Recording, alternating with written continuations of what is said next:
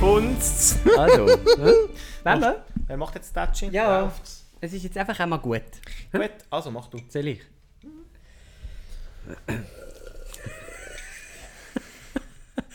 Das können wir jetzt nicht mehr rausnehmen. hä? Und auch deine scheiß Chips, die du da die ganze Zeit am Kröspeln bist. Läuft es jetzt oder was? Nein, ja. Ah, ja, ich, Nein, ich okay. denke schon. Wir sind schon am Aufnehmen. Aber das hätte ich jetzt als Intro noch geil gefunden. Also. ja, das ist auch das Intro. Ja, dementsprechend hallo miteinander. ähm, wir, Nein, äh, für uns ist das jetzt ganz speziell. Wir haben, wir haben nämlich eine kleine Sommerpause gehabt. Das habt ihr aber gar nicht gemerkt, weil wir haben zwei Folgen voraufgenommen. Äh, wir haben jetzt drei Wochen haben wir, äh, haben wir keinen Podcast mehr aufgenommen. Und zudem dazu sind wir jetzt heute das erste Mal seit, ich weiß nicht wann, wieder live beieinander. Seit noch nie.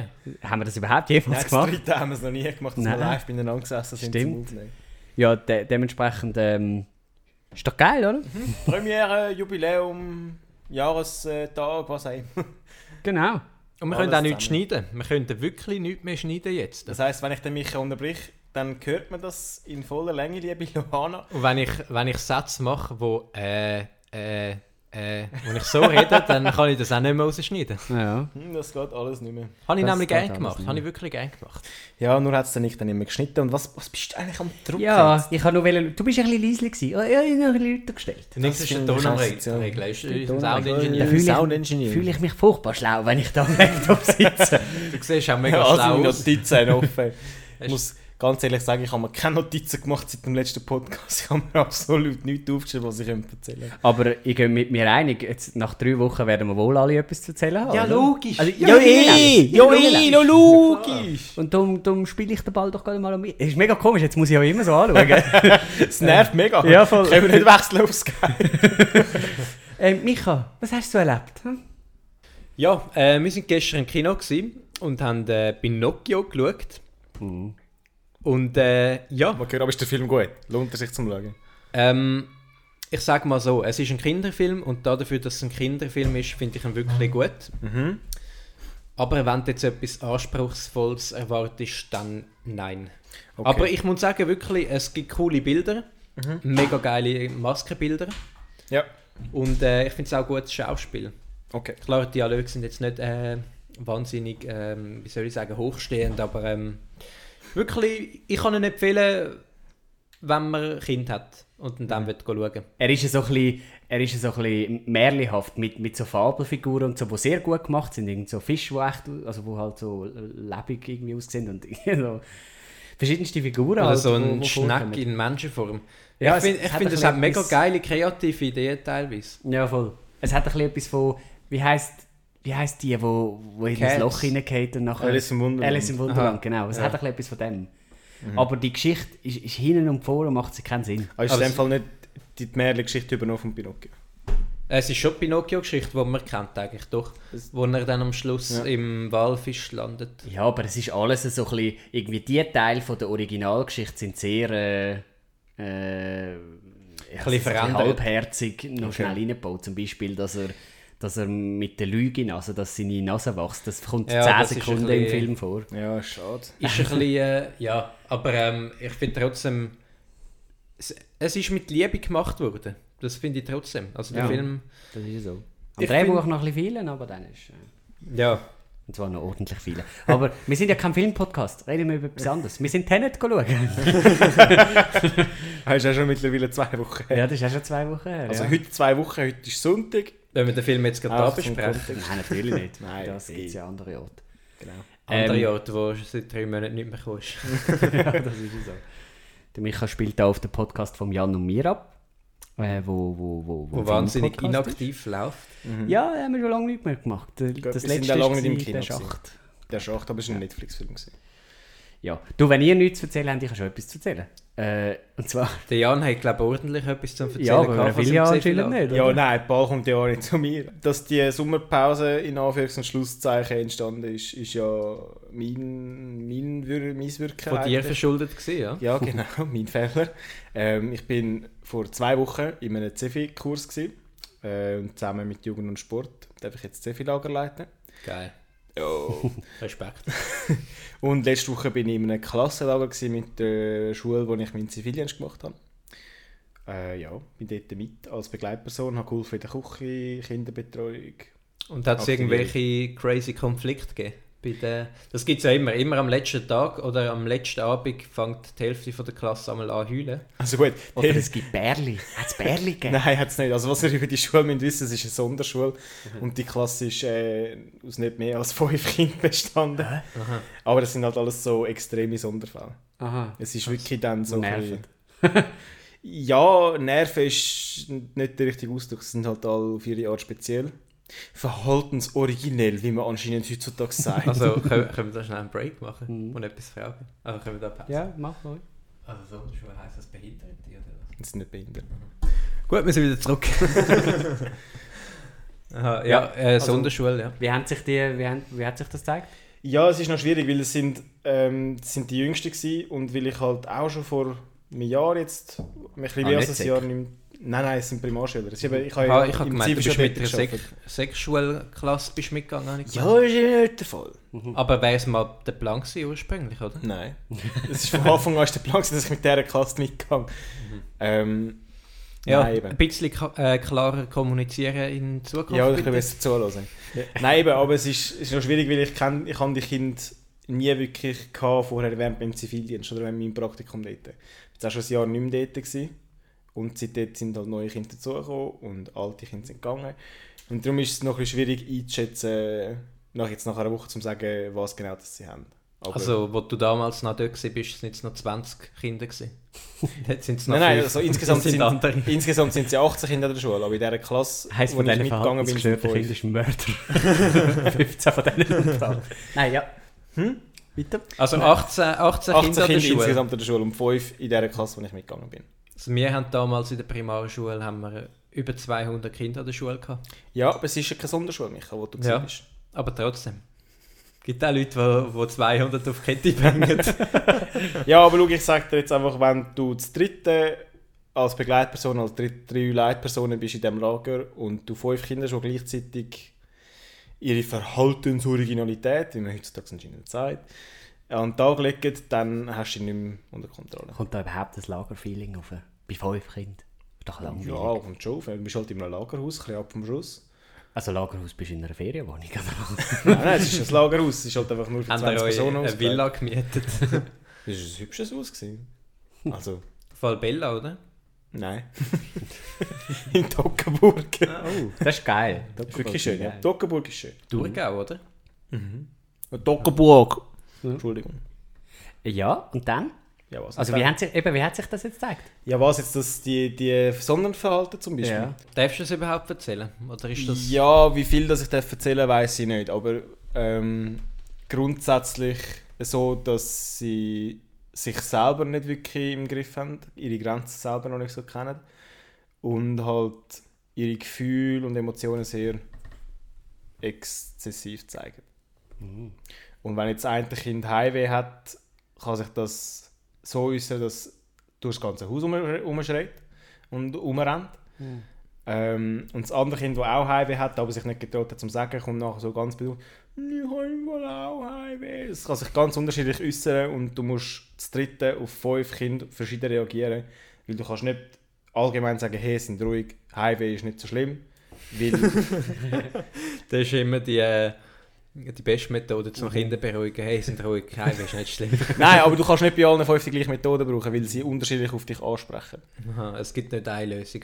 Genau. Jetzt, ich will nicht wie ein Assi tönen, aber was motiviert dich, so jetzt blöd gesagt, nervige Kinder zu, zu, zu leiten? Also, Nervig oder wie man auch sagt, ähm, verhaltensoriginell.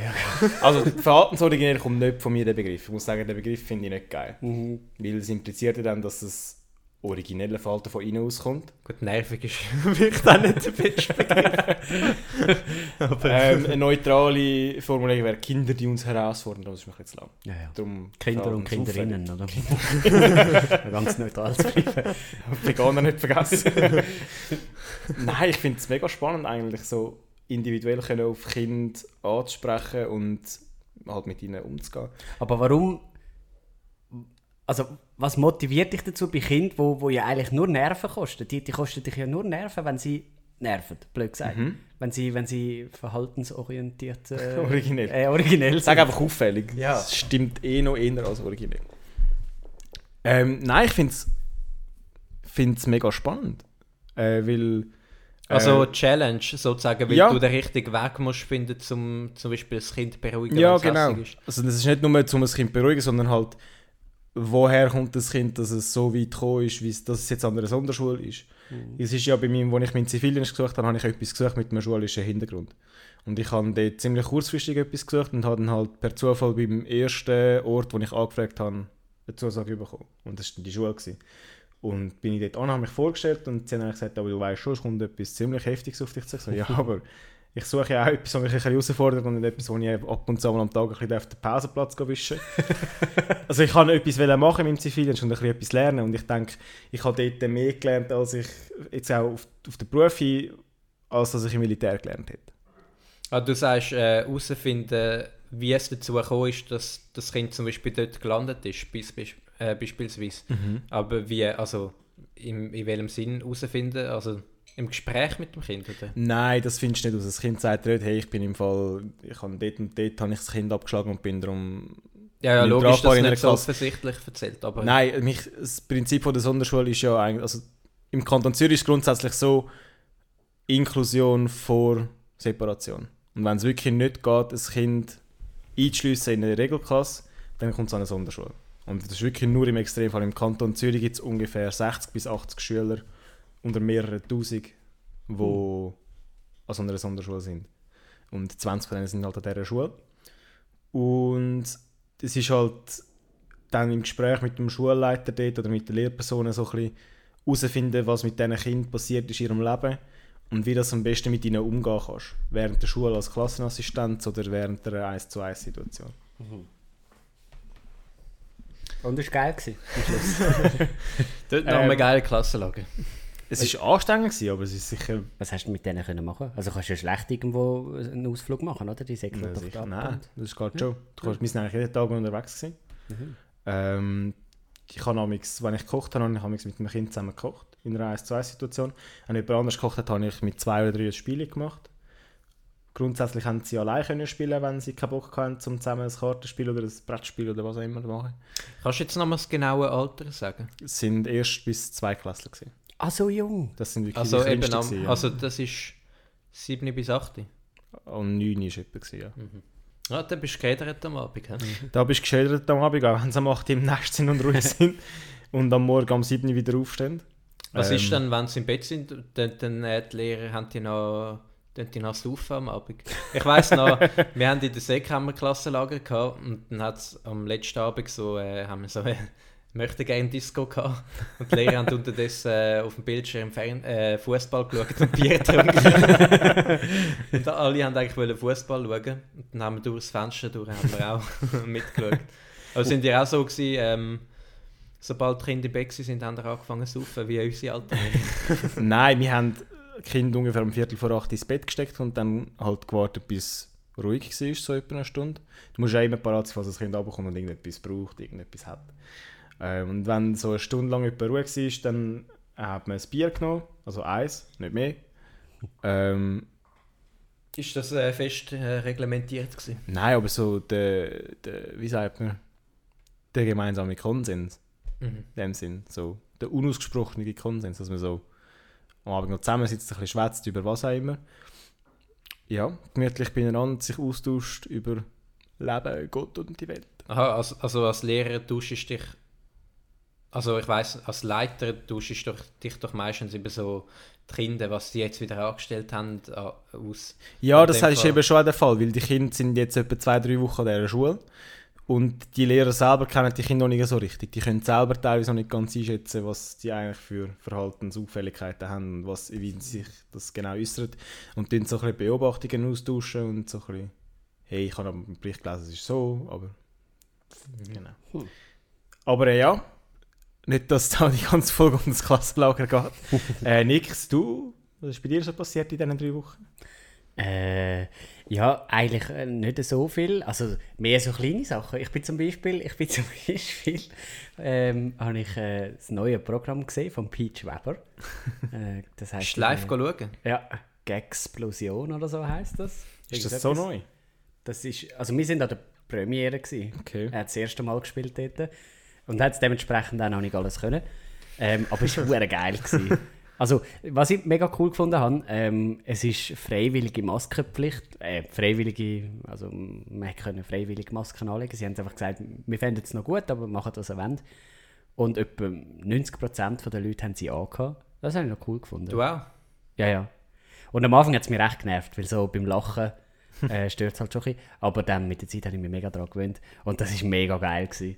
Äh, ich finde ich find den Typ so lustig. Ich finde den so lustig. Und ich habe, glaube zum Teil auch mit Abstand am lautesten gelacht. Und ihr kennt mein Lachen, das ist also so eher hoch. Also eher so anstatt das «Äh». Und das du ja noch besser. Ähm, und, und wenn ich mal lache, kann ich ja schlecht einfach wieder aufhören. Und die Leute sind zum Teil einfach wieder ruhig geworden und ich kann noch weiterlachen. Das ein bisschen, ein bisschen, Und hat er Freude an dir gehabt in dem Fall? Ich weiß nicht, ob er gecheckt hat, von wo das kommt. Aber, Hast du dank der Maske hast du einen Schutz gehabt? hä? ja, genau. Hat er, auch, hat er auch Witz, also die aktuelle Situation ein bisschen angesprochen in seinem Programm? Das hat mich überrascht, dass er es nämlich nicht gemacht hat. Schon? Ich, ich hätte erwartet, irgendwann muss es ja kommen. Du kannst das ja nicht einfach so im Raum stehen lassen. Das Jetzt, ich Einzige... gedacht, wenn alle Masken anhaben und Ja, er nichts genau. dazu sagt, ist Da hat er irgendwie nichts dazu gesagt. Das Einzige, was er mal gesagt hat, ist irgendwie, äh, wo, wo ein paar, also manchmal fangen die Leute ja an klatschen bei irgendwelchen Witzen oder so, oder wenn etwas abgeschlossen ist. Und, und dann hat es so einen Moment gegeben, wo nur ein paar wenige geklatscht haben. Und dann hat er so gesagt, ja, spart euch den Applaus, gehört mir sowieso nicht gut durch die Maske. Irgendwie so. aber das ist das Einzige. Finde ich aber gut. Weil sonst hat er keinen Bezug gemacht. Das habe ich ein bisschen schade gefunden. Wäre lustig gewesen, wenn er auch eine angehabt hätte. Ja, hör mir auf. Du. Aber äh, ein, gu- ein guter Witz, den ich mir gemerkt habe, äh, habe ich, mir, äh, habe ich mir vorher noch schnell aufgeschrieben, dass ich ihn nicht vergesse. Muss ich euch erzählen. Er, er ist ja so ein bisschen eher ein Dicken und so ein bisschen schon ein Alten und so. Und er so gesagt, ich bin so unsportlich, ich, ich bekomme sogar beim Joghurtessen Seitenstechen. Das finde ich geil. oh, ich. Ich finde ja den von ihm gut, wenn er sagt, ich habe da so Zettel äh, vor, vorne hinliegen. Ähm, da schaue ich aber nicht drauf, äh, zum, zum meinen Text lesen, sondern äh, wenn ich da das Programm 20 Mal gespielt habe, dann wird mir langsam, langweilig, dann lese ich da ein bisschen äh, lustige Taschenbücher oder irgendwie so. er. Ja, der, der Peach ist einer, der wo, wo sowohl die Witze wie aber vor allem auch die Lieder immer abliest. Ähm, er schafft das irgendwie nie oder es ist einfach nicht sein Stil, dass er das auswendig macht. Er hat immer einen Notenständer und, und sein Zeug dort. Und dann hat er, mal, hat er mal gesagt, es sei nicht so, dass er dort äh, abliest, sondern äh, wenn, wenn er halt so, so eine Show hundertmal macht, dann, dann nimmt er sich noch etwas zu lesen mit. das finde ich so ein geiler Witz. Den hat er aber wiedergebracht, den hat er im letzten Programm schon gebracht.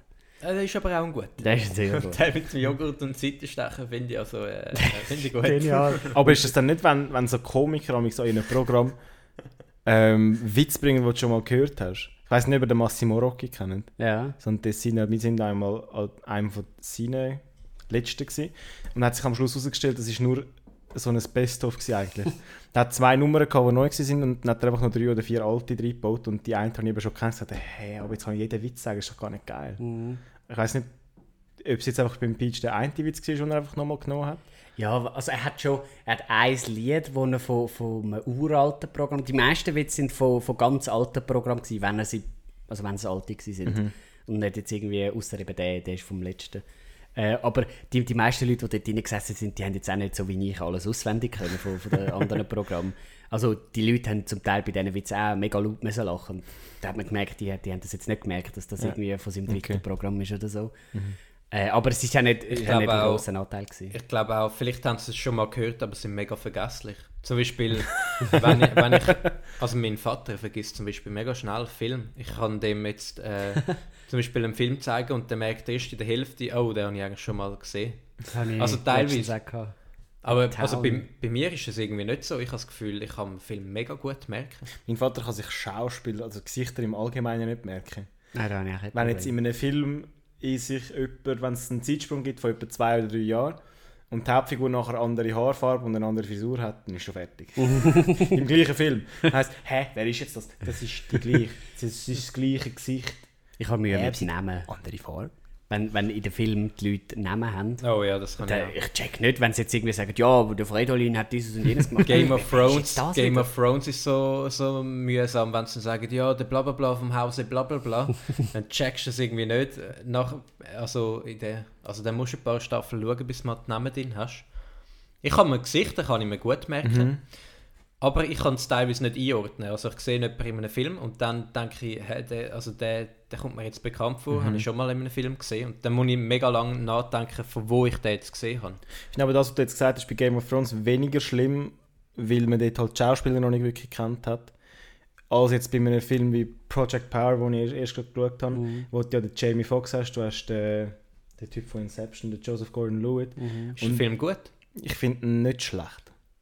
So ein ist, okay ist Film, oder? mehr oder weniger okay an der Grenze zu gut. Unglaublich absehbar. Also man, Ja. man weiß am Anfang schon die ganze Geschichte, aber äh, also durch den Trailer ja, es auch. geht. Gut, ich habe den Trailer nicht geschaut. Der Trailer er verratet nicht... Äh, der verratet alles. Also. Den Trailer habe ich eben gesehen und es sieht auch aus wie ein absehbarer Film. Also, Mhm. er aber so dann, vom Bild her finde ich es mega gut Ja, ja, voll. Von den Kamerabewegungen und so. Aber dort ist für mich viel mehr, wenn dort ein Name kommt, also wenn dort komplizierte Namen sind wie mit Vor- und Nachnamen anstatt so ein Silber, dann merke ich mir den Namen nicht, sondern merke mir dann den Namen vom Schauspieler. Und wenn ich Mhm. mit jemandem zusammen den Film geschaut hätte, hätte ich gesagt, hey, aber der Jamie Foxx ist doch vorher der gewesen. Und Voll. nicht der, keine Ahnung, wie er heißt. Das finde ich ein geiler Art Schauspieler. ich Der sagen. Jamie so Foxx. ein So genial geil, gut. Cool, ja. Vor allem in diesem Film hat er so gut gepasst. Mhm. Voll. Ich finde, ich find, ein mega charismatischer Schauspieler ist der Denzel Washington. Ja, ihr den? der ist schon wieder. ja. Ähm, es gibt so einen Film, Ähm, der heißt Equalizer. Equalizer. Der Fi- Das finde ich aber kein guter Film. Nicht? Und den zweiten Teil habe ich abgebrochen, der Hälfte finde ich so Habe ich gar nicht schlecht. geschaut. Ähm, aber ich es gut gefunden. es gibt ja einen Film, der heißt Training Day. Hast du den geschaut? Mal? Raining Day? Training Day. Nein. Da musst du mal schauen, finde ich noch cool. Und dort, äh, also er spielt so einen Polizei, ähm, so einen korrupten Polizist und der spielt das so echt. Also das ist mega geil gespielt. So mega charismatisch. Also, es ist so eine, mit dem würdest du dich nicht an anlegen und das hat das so geil gespielt. Müsst ihr mal reinschauen. Aber Micha, ähm, jetzt von Was? dir haben wir es noch gar nicht gehabt. Du bist vor einer gekannten Frage ausgewichen, was du die drei Wochen schon erlebt hast. Du- Ist, ist Ja, dir Film irgendwie peinlich oder was ist Ich los? kann eigentlich wollen über meine Filme erzählen, die ich geschaut habe. Aber ja, gut. sind wir da im Filmpodcast? Ich In diesen drei Wochen habe ich wieder aktiv angefangen zu arbeiten, hundertprozentig. Das heisst, es bleibt nicht wahnsinnig viel Freizeit dann übrig. Ähm, Du schaffst neun Stunden. äh, neun, neun, ja, 45 Stunden Arbeitswoche. Ähm, und sonst, äh, du, gell, ich, ich mache meine Crazy Joe Videos, äh, ich gehe am Abend ins Fitness, ähm, ich genieße mein Leben. Ähm, am Wochenende, was mache ich am Wochenende so? Ich, ich, es fällt mir jetzt einfach gar nicht ein. Also an, an einem Geburtstag sind wir mal eingeladen. Ja, gewesen. genau. Ähm, ich gar nicht zu viele Geschichten auspacken. ähm, Film, den ich geschaut habe in letzter Zeit. Du hast mir ja ähm, einen, einen Film empfohlen gehabt. Mhm. Weißt du noch, wie der heißt? Es ist so ein Social. Das Problem mit den Medien oder so. Das Problem mit mit den sozialen Dilemma. Medien. Genau. Ja, genau, das soziale Di Dilemma. Irgend so. Den, den habe ich zum Beispiel letztens geschaut. Den finde ich auch gut. Also, Ich muss sagen, ich habe vor zwei Wochen einen Trailer gesehen. Auf Netflix kannst du immer so demnächst Mhm. schauen. Den habe ich auf meine Liste gesetzt, aber ich habe ihn immer noch nicht geschaut. Aber Also ist seit zwei Wochen auf meiner Liste. Ich finde auch eine extrem gute Doku. Jetzt reden wir schon wieder über Filme. ja, Aber- ist gut.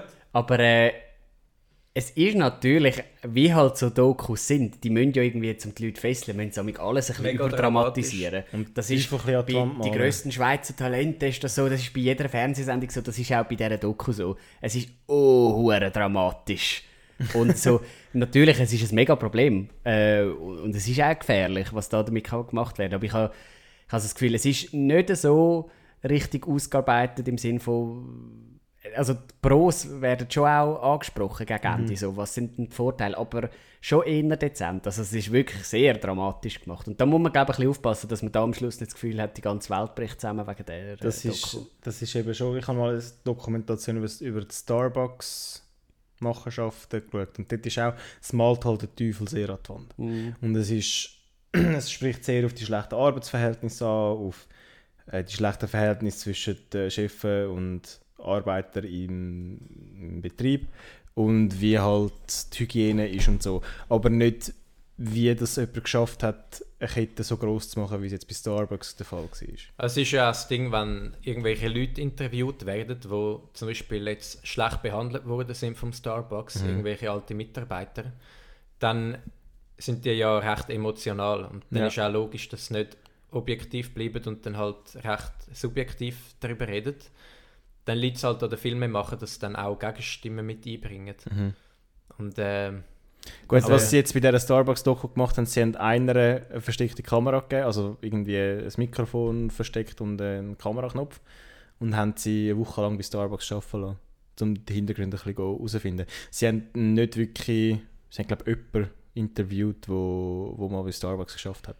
Aber alles eigentlich sonst so ein bisschen recherchiert und erzählt und eben die Maulwurf äh, eingeschleust. Aber, aber das kommt doch mega auf Filialen drauf an. Wenn du zum Ja, Beispiel sowieso. einen schlechten Abteilungsleiter hast, dann heißt es ja nicht, dass, also dass die Kette allgemein schlecht ist. Also nicht, dass ich jetzt etwas von Starbucks will halten. Du, wem sein Handy vibriert also? Ich stelle es gerade ab. Der Jan ist ein äh, sehr beliebter junger, junger Mann. Der, der kommt gut an bei den... Ähm, Auf jeden Fall, ähm, wo sind wir gesehen? Beim Starbucks. Ja. Also das Eben, so eine, also wenn, wenn jetzt zum Beispiel eine Filiale mega scheiße ist und die Scheiß bauen, dann kann es ja an der, eben an der Leiter dort liegen. Das heisst ja nicht, dass, dass die Kette allgemein schlecht ist zum Beispiel. dass so eine Dokumentation, dass überhaupt Dokumentationen objektiv sind, das ist schlicht und einfach falsch. Also wer meint, Ja. äh, dass, dass irgendeine Dokumentation objektiv ist, das stimmt einfach nicht. Weil egal, also du, du musst ja als, als der, der die Dokumentation macht, du ja nur schon im Schnitt äh, entscheidest ja eben, welche Aussagen lässt du und welche nicht. Und das kann mega viel beeinflussen. Oder welche Person du überhaupt von der Kamera ziehst Ja, genau. nicht. Du musst ja bei einer Dokumentation musst du ja auch schauen, dass es irgendwo spannend bleibt und einen Faden Eben hat. genau. Darum kannst du ja wie nicht sagen, also die ganzen Sachen zeigen. Das war bei meinem Maturarbeitsfilm auch ein bisschen der Fall. Gewesen. Was nehme ich rein, was kann ich behalten. Ich habe teilweise die Interviews, die ich gemacht habe, recht lang analysiert, um zu schauen, welche Aussagen sind gut, welche kann ich brauchen. Ich habe immer geschaut, dass ich alle ungefähr gleich lang vor der, vor, auf dem Bild hatte, dass es ein bisschen ausgeglichen ist. Aber auch zwischen ähm, Schüler und Lehrer. Ich muss vielleicht da schnell erklären, ich habe einen Dokumentarfilm gemacht über fünf Schüler, die den Übertritt von der 6. Klasse in die erste Sek gemacht haben und die eine ins Gimmi. Und eben, ich habe dort auch probiert, so ein bisschen zwischen Lehrer und Schüler das, ähm, das Gleichgewicht zu halten, um ein bisschen Balance Ja, natürlich kann man es versuchen. Und natürlich Ja, muss man auch äh, irgendwie die Spannung aufrechterhalten. Und ich meine damit mehr, äh, wer eine Dokumentation schaut, das ist genau gleich, wie wenn man eine Statistik anschaut. Mhm. Statistiken kannst du genauso, ähm, je nachdem, was du zeigst und was du eben nicht zeigst, ähm, verfälschen. Oder? Also eben, du hast ja als Filmemacher hast ja auch einen gewissen Anspruch. Ja, wenn, zum Beispiel, wenn du schon eher kontra irgendetwas bist, und, also kontra Social Media jetzt gerade als Beispiel, und dann willst du ja auch eher irgendwie Stimmen einfangen, die das scheiße finden und dann willst du die Emotionen, also dann bist du ja selber emotional und kannst da nicht hundertprozentig objektiv bleiben. Mhm. So ist es ja auch mit Statistiken.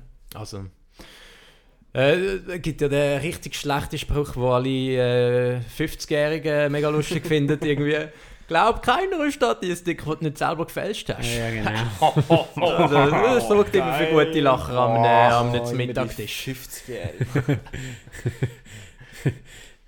ein, ein guter Lacher, den ich schon auch noch parat habe. Auch so eine die, die Art, oder Ein was? zweiter Witz von Pitch Weber. wo noch in Sinn ist, ähm, also wo, wo, wo, wo man auch gemerkt hat. Und zwar hat der Peach äh, hat so eine Session gehabt, wo er, wo er gefunden hat, äh, wie mache ich sexistisch? äh, also gegen Frauen und gegen Männer hat so immer ein bisschen hin und her, mal, mal gegen Frauen, mal gegen Männer. Und das war noch cool, gewesen, weil normalerweise, wenn so Witze gegen Männer gemacht werden, die sind immer so schlecht. Äh, weil es halt immer so gesuchte Witze sind. Äh, So, so Alibi-Witz, Ja, genau. weil du so einen guten Witz gegen Frauen hast und dann denkst oh, ich will jetzt Feministinnen nicht verärgern, mache ich noch schnell einen Alibi-Witz gegen Männer und Voll. das ist meistens so schlecht. Aber die von ihm, die sind richtig gut gewesen. Und darum habe ich mir jetzt äh, einen gemerkt über Frauen. Nein, äh, aber die sind, die sind wirklich gut gewesen gegen Mann. Schaut das Programm sowieso, geht das Programm schauen. Mi- Äh, Jan, wo, wo gehst du hin? Der Jan äh, gießt sich äh, Wasser. Ich muss mir übrigens auch eine Wasserflasche, ich muss mir übrigens auch eine Wasserflasche kaufen. Wo hast du die jetzt gekauft? Ich Äh, weiß nicht. Galaxus. Das ist von Nikin. Aber Nein, ist, ist sie nicht. ist dann Nein. nicht so, ist dann nicht so, dass die äh, mega oft stinken dann Flaschen so Nein, nach die dem. überhaupt nicht. Die hast du wo Digi, wo Von Galaxus. Galaxus. Gut, merke ich mir. Kannst du mir den Link schicken bitte? Mach ich. Merci. Wolltest du gerne gleich? Ja, ich schaue noch ein bisschen weiter im Sortiment. Wieso sie sehe nicht von Nikin? Ich habe eine andere von Nikin. ich- Niki. Okay. Ja, das sind die, die Bäume pflanzen, dann etwas bestellst.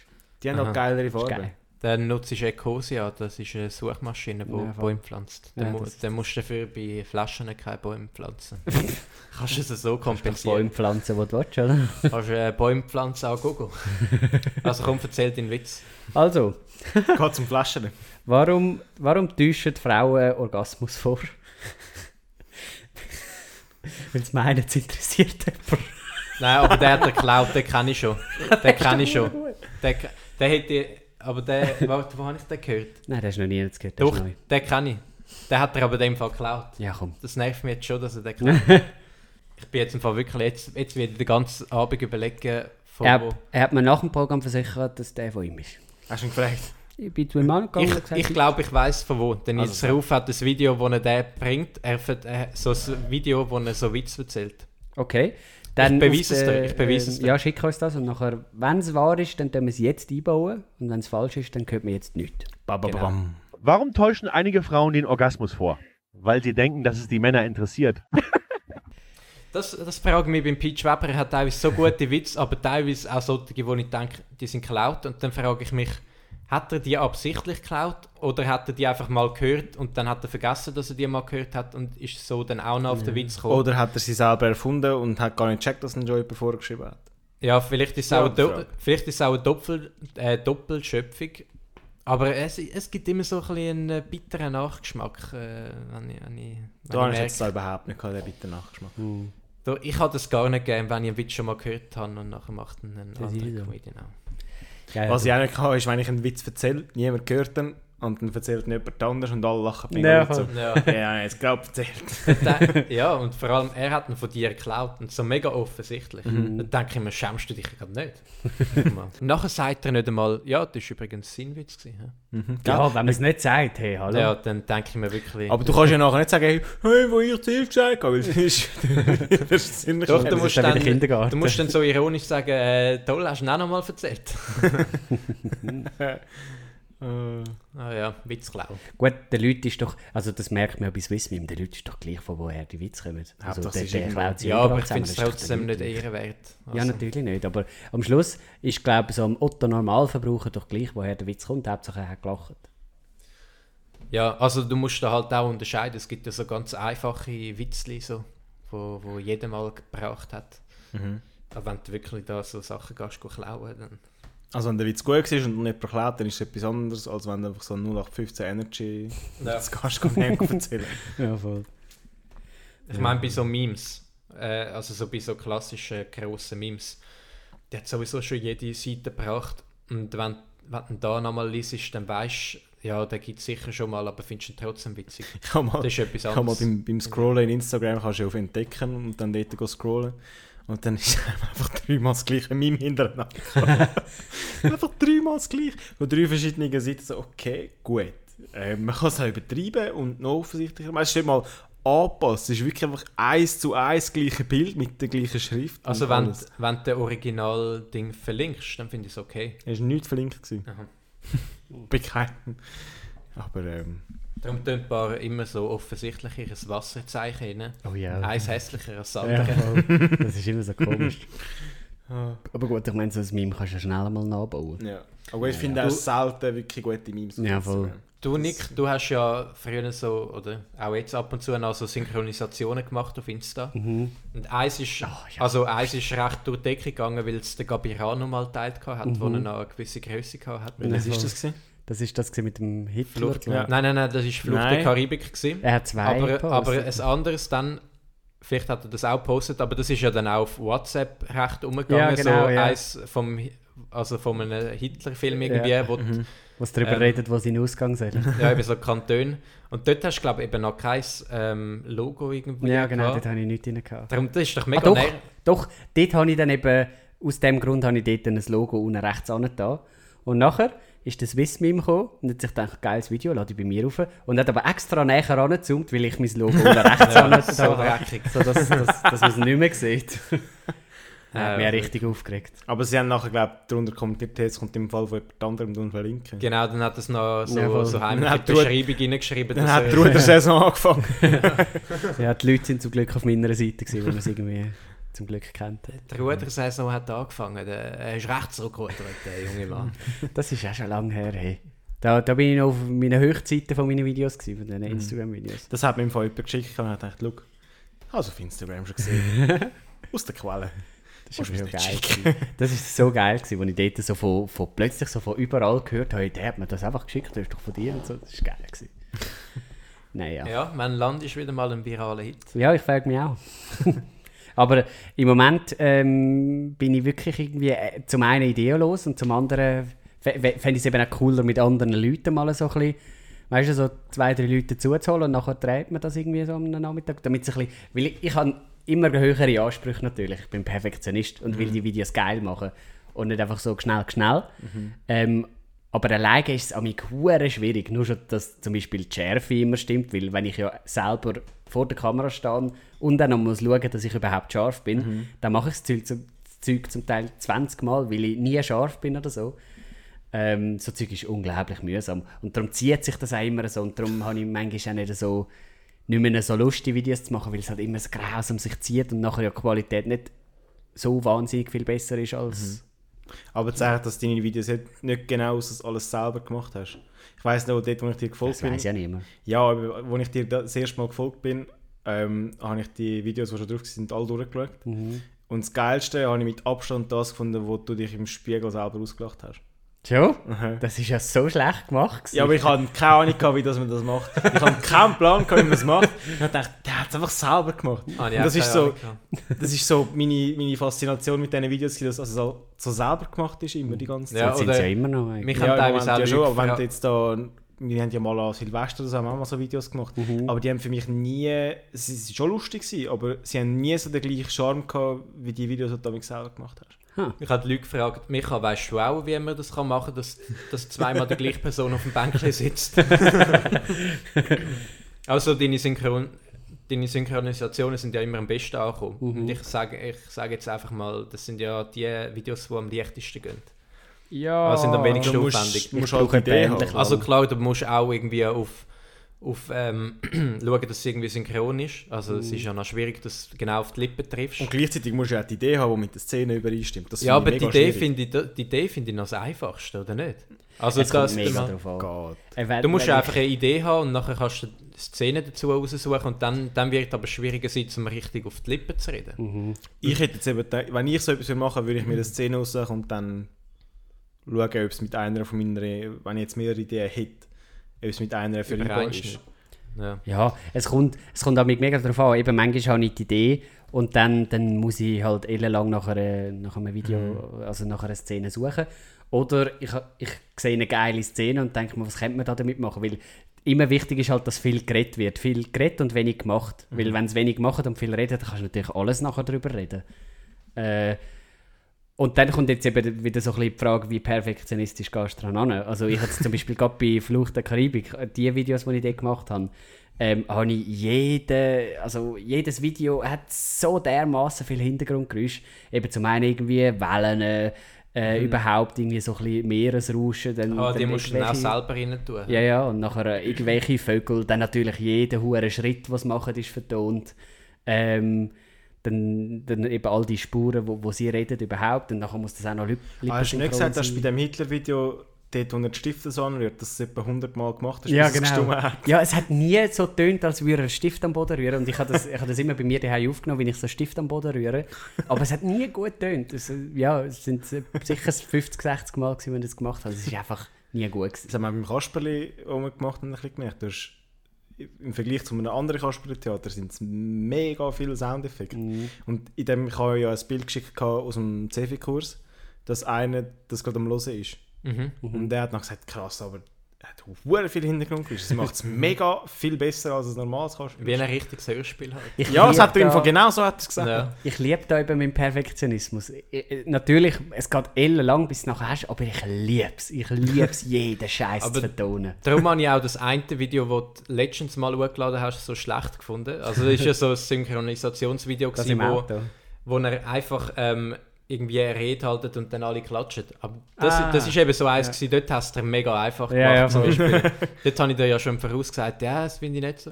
Aber das ist dann, glaube ich, auch wieder mega gut gelaufen. Oder? Mhm. Nein. Nicht? Das ist nicht wirklich gut gelaufen. Das war eine Ah. Schäbe. gewesen. Dort haben einfach ein paar Leute äh, haben dort wegen dem Inhalt gesagt, das äh, sehen sie anders. Übrigens, wer der gar nicht weiß, um was es geht, äh, Instagram at Nickelido. Schaut mal vorbei. N-I-C-K-E-L-I-D-O. Mit zwei O am Mit Schluss. zwei O am Schluss. Aber, aber genug von mir. Wie geht's euch? Wie geht's euch? Ich finde Perfektionismus eigentlich ein relativ gutes Stichwort. Ähm, das haben sie bei mir im, im Kurs haben sie das gesagt, dass mir das zum Verhängnis könnte werden Weil wir haben den Auftrag gehabt, im Voraus und nachher im Kurs selber ein Lager eigentlich zu planen. Ein dreitägiges oder drei Tage von einem wöchigen Lager zu planen mit einem Sicherheitskonzept und allem Bums und drum und dran. Und ich habe mir dort halt mega viel Mühe gegeben, weil ich halt auch ein perfektionistischer Mensch bin, in mir selber eine relativ hohe Messlatte setze. Und das haben sie mir als Kritikpunkt gesetzt, dass das halt dann zum, zum Verhängnis könnte werden, wenn du in einem Team schaffst. Mhm. Dass, wenn ich Arbeiten muss delegieren an Leute, die nicht die gleiche Messlatte haben wie ich, Nein, ja, voll. dass du dann die Gefahr laufst, dass du alles selber machst. Und dort, dass ich mir dort wie bewusst wird, dass man das im Team muss entscheiden und schauen, wie passt es für alle. Oder auch umgekehrt, wenn jetzt jemand etwas macht, was für dich noch nicht genug gut ist. Ich, hätt- ich hatte da zum Beispiel an das Kasperli-Theater gedacht, wenn, wenn, jetzt, ich sage jetzt mal, wenn jetzt zum Beispiel du, Jan, das geschnitten hättest und, und es eher einfach geschnitten hättest und ich das nachher gelassen hätte, dann dachte ich, nein, aber der kennt schon da und dort und sowieso und überhaupt. Äh, ich, tu, ich muss mich auch mega, mega zurückhalten, wenn ihr eine Podcast-Folge schneidet, weil ich denke mir immer, ah, da hätte ich jetzt noch und da hätte ich auch noch und da hätte ich auch noch. Und, äh, ich finde es natürlich mega cool, wenn ihr sie schneidet und ich bin auch froh darum, weil manchmal habe ich auch keine Zeit und so. Äh, aber ich denke mir, äh, wie Das denkt man sich aber immer, weil man nicht sieht, was bereits schon geschnitten Ja, ja, ist. Dann denkt Ja. man, oh, die andere Person hat das schnell abgedingselt. Dabei sieht man gar nicht, wo, wo überall schon Ja. Äs rausgeschnitten worden sind und so. Also wir tun jetzt da amigs bei unseren Podcast über Skype machen, tun wir halt nicht einfach, dass wir das gesagt haben, nicht 10-minütige Stellen rausschneiden, sondern einfach Ja, ähm, wir versuchen Pausen es ein verkürzen und dass es ja. ein bisschen läuft. Ein bisschen peppiger zu machen. Also jetzt, heute wird es schwierig, weil wir alle drei an einem Kompi sozusagen aufnehmen und mal live äh, miteinander reden. Aber bei mir ist es äh, bei mir ist es jetzt nicht so krass mit dem Perfektionismus. Aber bei mir kommt es ein bisschen aufs Thema an. Also bei so Vorträgen früher bin ich mega, also schon re- recht perfektionistisch gewesen. Und wenn ich dann mit anderen in der Gruppe war, bin, habe ich, habe ich immer gedacht, ah. Also ich habe immer am liebsten Live-Vorträge gemacht. Ja, ich auch. Ja. Aber bei so, bei so anderen Aufgaben, also so, wenn wir jetzt irgendwie Vorträge haben in der Berufsschule, die so über Wirtschaft gegangen sind, dann, dann ist es mir auch so komplett egal gewesen und so. Und Aber bei mir ist mehr so, ich bin, wenn ich selber Projekt ha habe, nie wirklich zufrieden damit, wenn ich irgendwie dann fertig bin. Aber ich, ich könnte das Projekt noch geiler machen, aber ich habe dann keine Lust mehr drauf. Also ich, ich gebe, also ich gebe mich schnell mal zufrieden mit etwas und sage, ja komm, das Projekt ist jetzt abgeschlossen, ich habe keine Lust, um da noch 100 Stunden Color Grading oder so rein zu investieren. Ich bin dann einfach nicht zufrieden am Schluss, aber ich denke mir lieber, ich fange jetzt wieder etwas Neues an, statt dann noch 1000 Stunden dran am gleichen Projekt zu bleiben. Mir ist es ein bisschen so. Peinliche Stille. Also du bist am Schluss selten zufrieden mit dem, was du gemacht hast. Ich bin eigentlich, ich bin eigentlich nie, also 100% zufrieden sowieso nie. Ähm, teilweise bin ich so im ersten Moment zufrieden und dann, es ist wie wenn ich Film schaue, im ersten Moment bin ich so mega emotional und denke, was so ein geiler Film und dann sagt jemand so ein Argument dagegen. Dann denke ich darüber nach und einen Tag später finde ich den Film scheiße. so ist es auch mit meinen Projekten. Ich denke am Anfang, oh, ist mega geil. Dann zeige ich dir, dann sagst du, ja, das und das und das ist nicht gut. dann denke ich, oh, so nervig und, und habe aber keine Lust, um es zu korrigieren und finde es dann einfach scheiße. also dann korrigiere ich noch einmal so halbherzig. Das ist eher ein bisschen das Ding zwischen uns zwei.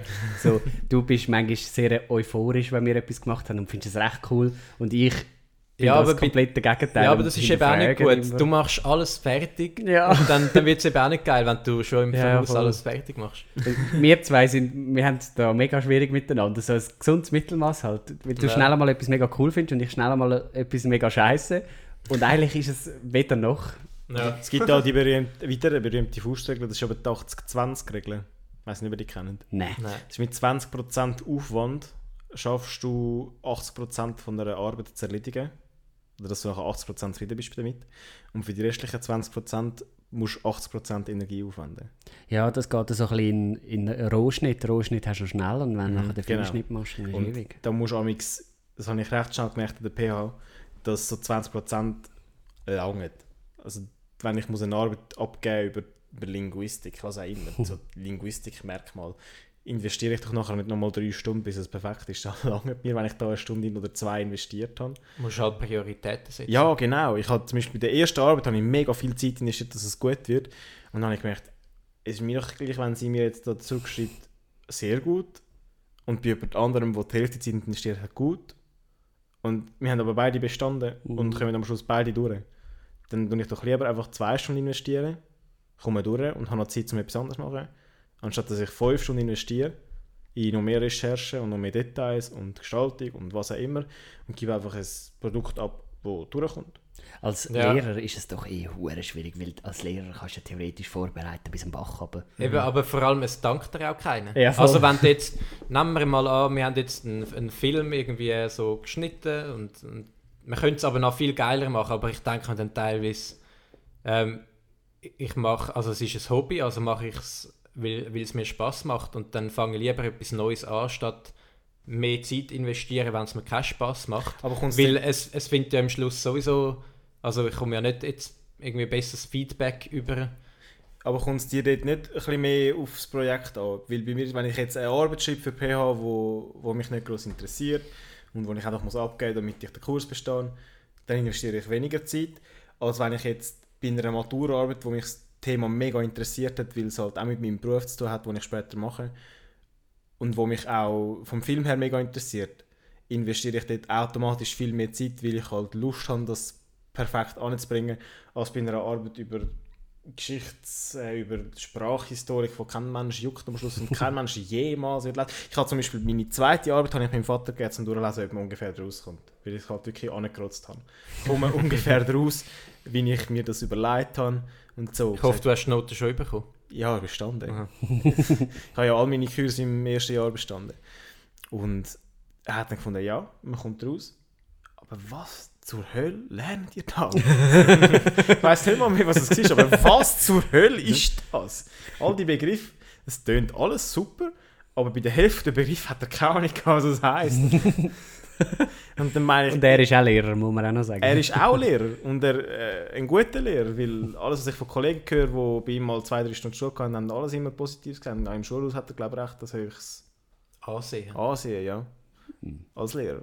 Also ist einer von, den, von den Lehrern, der sich mehr Zeit nimmt für, für seine Vorbereitungen und jemand, der sich mehr Zeit nimmt für die Schüler. Und auch dort, wenn du jetzt so sagst, als Lehrer kannst du es nie jemandem recht, kannst du nie allen recht machen, aber wenn ich jetzt auf eine Stunde hin mich mega vorbereite, weil es mir halt wichtig ist, dass das, was ich vermittle, dort gut ankommt, als wenn es einfach äh, eben eine Arbeit ist, die ich muss abgeben Also Ich ja, du find- merkst ja auch, ob du Leidenschaft dafür hast. Also muss. Ja, wenn jetzt jemand einen, also wenn jetzt jemand einen Vortrag macht, dann merkst du ja, interessiert ihn das Thema. Also Mhm. er kann da ja auch 1000 Stunden investieren und keine Freude am Thema haben. Ja. aber halt wenn er keine so Freude hat, investiert er nicht 1000 Stunden dran. Also Ja, teilweise eben schon. Ja. Aber ist das jetzt bei dir in dem Fall nicht so, dass wenn du jetzt einen Film machst, wo du persönlich mega Freude hast, weil du die Idee mega geil findest und weil du Freude hast am Platz, den du gefunden hast zum Filmen, tust du am Schluss beim Schnitt nicht sagen, okay, ich ziehe es durch bis zum Schluss, weil ich will, dass der Film am Schluss geil wird, ich habe mega viele coole Sachen gefunden. Oder sagst du, ja, ist jetzt halt halbpatzig, aber mach jetzt möglichst schnell etwas Neues. Äh, bei mir ist es so, ich habe ich es mega geil im Kopf, bin euphorisch, dann filme ich es und beim Filmen kommt es dann meistens nicht so gut raus. und dann denke ich mir einmal, ich fange besser nochmal ein neues Projekt an, wo dann auch von Anfang bis Ende richtig geil ist, also wo dann halt Dann auch das raus. Filmen geil ist und so. Und ich verliere dann wie die Freude im Verlauf vom Film. Mhm. Aber es ist nicht so, dass, dass alles richtig geil ist und dann im Schnitt habe ich dann plötzlich keine Motivation mehr. Das Sondern die Motivation geht mehr weg, weil man sieht, was man alles beim Drehen versaut hat. Das ist bei dir irgendwie mega krass. Du hast immer so, du hast so hure geile Ideen und, äh, und man denkt sich immer so, ah, wie ein richtig geiler Scheiß, den du dir da ausdenkst. Und so, und so Visionen, die irgendwie mega cool sind. Und nachher, wenn es dann so beim Machen weißt du eben selber nicht so recht, wie zum Teil wie, Wie umsetzen. umsetzen. Und das Ja. ist mega schade, weil nachher eben bist du selber nicht zufrieden, obwohl du eigentlich hure geile Ideen hast. Aber das finde ich immer so schade. Ja, Ja. du. Ja. Aber äh, Hauptsache wir sind gesund, gell? Hauptsache es geht uns auch nicht gut. Nein, aber weißt du, ich versuche ja schon, äh, mich kontinuierlich immer ein bisschen zu verbessern. Aber äh, ja. ja, wie gesagt. Ist das Vorbereiten von, von also für Schulsachen von der Sek nicht eh viel unnötiger als in der Primar? Weil so, egal was du vorbereitet tust, Sekschüler finden es doch einfach per se schon scheiße. Ich finde, es ist ein mega Vorurteil. ich- Doch. Doch, doch. Ich finde es Du, ein also, hohes Vorurteil. Ich habe in der Sex das habe so ich gute erst- Lehre gehabt. Ich hatte so Ich Freude am Unterricht teilweise gehabt, weil es so geil vermittelt wurde. Also klar sind es auch Themen gewesen, die mich interessiert haben, aber Ich habe mich schon können du begeistern lassen. du kannst, habe- The- du kannst Themen trotzdem spannender oder nicht spannender. Ja, natürlich. Aber ich habe noch nie eine Klasse erlebt, wo nicht irgendwie dankbar war dem Lehrer, weil es jetzt geil war, sondern immer irgendwie so per se mal, oh, scheiße, ich habe keine Lust. Also, ich finde es gerade gestern auf der Leutsch, also im Ausgang haben wir es Auf der Leutsch. Leutsch, haben, da ist mich das auch gefragt, aber Sek, ist es dann nicht so, dass einfach alle keinen Bock haben? Hast du wirklich Lust auf das? So, ja, mich interessiert ja grundsätzlich die Entwicklungsphase der Jugendlichen und für mich ist irgendwann klar gewesen, gut, Gimmilehrer wird es nicht, weil ein Gimmilehrer hat zu seiner Klasse nicht wirklich einen Bezug, weil sie halt als Klasse etwa zwölf verschiedene Lehrer haben. Nur du, also du unterrichtest als Gimmi-Lehrer nur gewisse Fächer. Ja, genau. Weil die zwei Fächer Fächer musst du auch studieren. maximal. Genau, du musst die studiert haben und machst nachher zusätzlich eine Ausbildung. Und ich habe dann wie gemerkt, die Gimmi-Lehrer wollte ich nicht, also mache ich Volksschule, also Primar oder Sek. Und dann ist für mich die Frage zwischen Mittelstufe und Sek. Und auf der Sekstufe ist halt der Unterschied mega vom Umgang mit den Schülern. In der Primar ist noch viel mehr so ein, bisschen ein, ein elterlicher Bezug, wenn man das so will sagen Und auf das, in der Sek hast du sorry, einen Umgang, der viel mehr auf gegenseitigem Respekt basiert als in der Primar. Weil in der Primar bist du viel mehr von oben runter.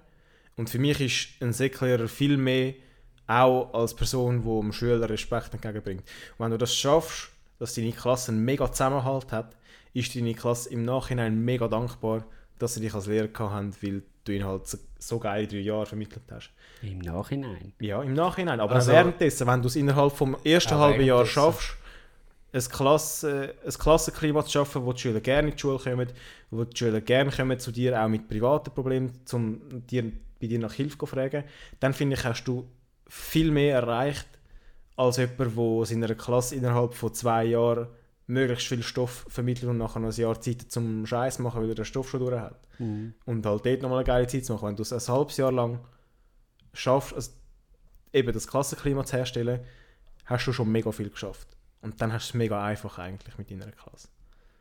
Aber, aber ich glaube, das ist auch komplizierter, als du dir das vorstellst. Eben, und dort, das zu erreichen.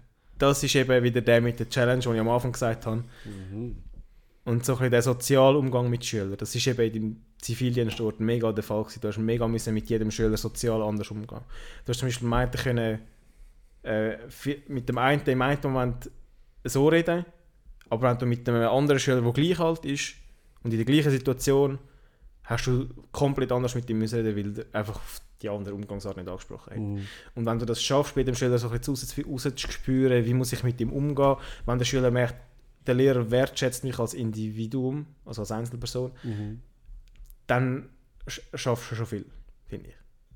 Und für das ist der Zivildienst eine mega, mega. Bereicherung finde ich. gewesen. Bereicherung, Hilfe, Training, was auch immer. Aber das machen ja Primarschüler auch. Wenn nicht Weniger. noch mehr. Weniger. Ja, Also bitte. Nein, also Primarschüler kommen halt mehr mit so Primarschüler, Pipifax. Halt. Primarschüler haben doch, äh, äh, sind viel einfacher zu begeistern und sind dir auch viel dankbarer, wenn du etwas Lästiges Finde machst. ich Ich glaube, du hast einfach bei der Säcke die eine Pubertätsphase im Kopf, aber es ist, also, ist ja nicht Sexschüler alles sind so... genau gleich zu begeistern. Also du hast halt auch in der Säcke, also vor allem in der Säcke, weil du dann in der Pubertät bist, so die Phasen, wo dir alles scheißegal ist und wo du für alles undankbar bist und du halt ständig unnötig hässig bist, aber das ist ja jetzt auch nicht drei Jahre durchgehen. ich kann dir zum Beispiel jetzt gerade von, von meinem ersten Praktikum erzählen, wo ich musste im Französisch Grammatik durchkatschen mit diesen Schülern. Mhm. Und ich habe nicht gefunden, Grammatik durchkatschen haben sie jetzt schon zweieinhalb Jahre lang gemacht. Und, oder zwei Jahre, je nachdem. Heißt zweieinhalb Jahre, ist ja gleich. Und ich musste dort den Unterschied zwischen dem Passé Compos und dem Imparfait durchkatschen, was ich ja grundsätzlich schon mal unnötig finde, dass man das überhaupt macht, weil ein Schüler muss einfach können erzählen, was passiert ist und ob er jetzt das Imparfait oder das Passé Compos braucht, ist mir am Schluss scheißegal. Also ja, grundsätzlich schon, aber wenn das Kind jetzt irgendwie BMS machen oder dann irgendwie in die Berufsschule kommt, muss ja genau die Sachen trotzdem Ja klar, wissen, aber jemand, ja das will- trotzdem beibringen. Jemand, ja klar, aber jemand, der will Schreiner machen und Franz nachher nicht mehr braucht, der muss das doch nicht können. Ja, aber du kannst ja nicht davon ausgehen, dass ich ans Klasse Schreiner will machen Nein, logisch nicht. Aber ich tue nicht so viel Wert darauf legen, wenn ich merke, es interessiert gar niemand wirklich. Mir ist viel wichtiger, dass, ich, dass ein Schüler kann reden am Schluss von der Sek. Als dass er kann sagen, hey, die Situation Ja, weil im, das, im Endeffekt kannst du gar nicht von beidem. dann, dann schaust du, dass sie immerhin äh, können reden Ja, genau. Ähm, aber dort hat es gelangt, um eine Grammatikübung zu machen mit einem Text aus dem Harry Potter Buch. Ich habe zum Beispiel ich habe ein französisches Harry Potter Buch in die Hand genommen, äh, Textpassage rausgenommen und so angepasst, dass man es kann mit der einfach für Passe Compose Regeln vereinbaren. Und ich habe nachher am Schluss haben wir den Auftrag bekommen, den Schülern einen Feedbackbogen zu verteilen. Und ich habe dort von sieben Schülern aus einer Klasse habe ich gehört, also gelesen, dass sie die Übung mega cool gefunden haben, weil es mal etwas anderes war. Und wenn du das schaffst, ab und zu ein etwas einzustreuen, was speziell ist, einmal, zweimal pro Woche, dann begeisterst du sie schon genug. Und dann wartet sie immer wieder, also warten drauf. Sie erwarten dann immer wieder ein bisschen etwas und wenn du immer wieder ein bisschen Überraschung reinstreust, dann langt das schon. Am Schluss ist es immer noch eine Schule. Es ist nicht ein Zirkus, wo ich da vorne stehe und den Klon mache, sondern es ist Schule, wo ab und zu aber auch mal etwas anderes darf sein ich. Ja, das ist eben geil. Das haben halt vor allem junge Lehrer, die noch so frisch und spritzig sind. aber so ältere Lehrer haben das gar nicht. Ja, würde ich so auch nicht sagen. Habe ich Also- die Erfahrung gemacht. Unsere Säcklehrerin zum Beispiel, die ist mega gut gewesen. Die hat uns immer versucht zu begeistern. Die hat an der Wandtafel tonnenweise Zeug schön gestaltet, aufgeschrieben, gemacht und da. Ähm, hat auch uns als Individuen mega wahrgenommen und hat mm, immer versucht, so ein Gespräch mit uns zu finden und so. Und gerade in der dritten Sek, wir sind nach der zweiten Sek, haben wir einen Teil von der Klasse ist umgeteilt worden in andere Klassen und wir haben neue Schüler bekommen und so. Ähm, gerade in der dritten Sek haben wir meiner Meinung nach eine relativ gute Klasse gehabt ähm, und auch ein gutes Verhältnis zu ihr. Und sie hat es auch gut gemacht. gehabt. Und trotzdem ähm, ist hinten im Ecken immer geredet worden und vorne im Ecken hat es niemand interessiert und links im Ecken äh, sind sie einfach am Malen und so. Auch wenn, auch wenn sie es spannend gemacht hat und so. Ich habe einfach die Erfahrung, Sek-Schüler müssen per se, egal wie gut sie den Unterricht wirklich finden, müssen sie einfach so tun, als wären das scheiße. Das habe ich noch nie anders erlebt. Also ein bisschen geredet wird ja immer, aber je nach Lehre ist bei uns nicht wahnsinnig viel geredet worden. Das hat dann wieder eben... Eben, es kommt mega auf den Lehrer drauf an, wie der, wie der Lehrer auch auftritt. Ja, ja, du. Also wir haben auch Wir Lehrer reden in vier gehabt- wir, drüber, haben, wir haben auch Lehrer gehabt, die da tausende Folien gestaltet haben und bei denen ist halt einfach geschnurrt worden, weil die sonst keine Respektspersonen gewesen sind halt. Also die, die können so viel Aufwand da reingeben und in der Freizeit Plakat malen, wie es wollen. ich meine, du musst ja trotzdem irgendwie ein gewisse, gewisses Auftreten haben, dass du ernst genommen wirst als Lehrer. Ja. Apropos Lehrer. Du bist ja der Maturant äh, gewesen, äh, Nick. Ich, ich bin auch der Wir haben Maturant. jetzt etwas geschnitten, aber das äh, ist gar nicht so wichtig. Also das hättest du jetzt auch nicht mehr so sagen. Doch, das finde ich aber noch lustig. Du machst die ganze Illusion wieder kaputt. der, der Dorian, äh, schöne Grüße an Dorian, der unsere Folgen hört, Hallo der, der Dorian. hat mir erzählt, er hasst es, wenn man schneidet, weil dann, dann wird er erst recht wissen, was man redet. Dorian, wir haben Und so, geschnitten. so tue ich dich triggern, Dorian. also erzähl, was ist mit in der Matura? Ja, genau. Äh, ich bin, ähm, ich arbeite ja zu 40% bei einer Berufsberatung und zwar bin ich für den ganzen Online-Auftritt zuständig. Website, äh, Social Media, so Zeug halt. Ähm, und die anderen 40% äh, eben ist ja das Filme machen sowieso. Äh, auf jeden Fall, äh, für die Berufsberatung bin ich an der Maturandenmesse gewesen. Die war ja jetzt vor zwei Wochen, glaube Wo ist ich. die? Ähm, die ist in Oerlikon, Ja. ja, bei der äh, Ja. Halle. Verkraut. aber Oerlikon. Berufsmesse ist in Oerlikon, ist Oerlikon. aber nicht die, oder? Nein, ist wirklich Maturandenmesse. Aber ist im gleichen Gebäude. Keine Ahnung. Weiss es doch Also ob es wichtig wäre, weißt du? Neben dem Hallenstadion, oder? Ich glaube, die. Hälfte von den Leuten, die Ah, nein, nein. wissen nicht mal, wo Hörliken ist. Doch, doch. Ähm, ja, auf jeden Fall bin ich dort gewesen, weil, wir, äh, weil eine von unseren Berufsberaterinnen äh, dort einen Vortrag hatte, den ich bin filmen und sie hat noch einen Stand gehabt, wo man so eine halbstündige Beratung können machen konnte. Das habe ich auch gefilmt. Ähm, auf jeden Fall bin ich halt dort dementsprechend als, äh, als Aussteller gewesen, weil ich halt zu der gehört habe. Als Aushängeschild. Und als, wir auch so einen, Roll-Up gehabt, hinten dran? Und so nein, haben wir nicht einmal. Ich gestalte euch wir ich gestalte euch einen. wir haben schon einen. Ich bin ein Roll-Up-Profi. Ja, ähm, und weil ich dort zu denen, zu denen gehört habe, äh, zu den Ausstellern, habe ich halt auch dürfen zum Ausstellerbuffet essen. Mhm. Und es hat ganze vier Räume gehabt, die für die Aussteller waren, wegen Corona halt, haben sie es ein bisschen verteilt, dass nicht alle im gleichen Ort sind. Und dort hat es Kuchen gehabt, dort hat es Schoki gehabt, dort hat es äh, Wie im Lehrerzimmer, hä? Essen und Getränke gehabt, ja du. Und ich habe eben nicht so viel zu tun gehabt, weil ich habe immer die ersten fünf Minuten von so einer Beratung habe ich mitgefilmt und so. Und nachher habe ich halt raus, damit die Beratung äh, können stattfinden ähm, Und dann bin ich halt gegessen. Also hast du dann Personen, die sich beraten lassen, haben auch dürfen filmen? Nein, nein, immer halt Rücken. Ja, einfach der Rücken. Äh, und dann bin ich viel gegessen und bin dann dort schon noch ein bisschen rumgelaufen und so. Das war sehr spannend, gewesen, was es dort alles hatte. Es hat irgendwie fünf PHs gehabt. PH Bern, PH Zürich, PH Luzern und Zug und Zug, genau, ja. Und Thurgau gibt es auch noch eine, die ich weiss. Thurgau war nicht dort. Gewesen. Nein. Dann bin PH ich Arbon. Arbon ist ja im Thurgau. Abend am Bodensee, oder?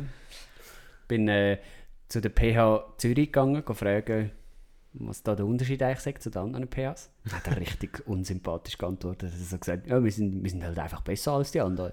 Ich dachte, ja komm. Hat das nicht so als Witz gesagt? Ja doch, natürlich, aber äh, finde ich einen schlechten Witz. Weil, weil nachher hat er zuerst mal fünf Sekunden nichts mehr gesagt. Und dann habe ich gedacht, ja gut. Und dann musste ich fragen, ja, was heisst das jetzt genau? Und dann hat er erzählt. Ist gleich. Auf jeden Fall, ähm, das Militär war auch dort. Gewesen. Und so der Anteil von Frauen äh, an dieser Maturandenmesse ist etwa, es ist etwa 70, 30 gewesen. Es hat viel mehr Mädels gehabt als Jungs. Ähm, also es sind nicht Klassen, gewesen, die dort gekommen sind. Es sind ja alles Gimmi-Schüler und Schülerinnen, gewesen, aber ähm, die meisten halt Schülerinnen.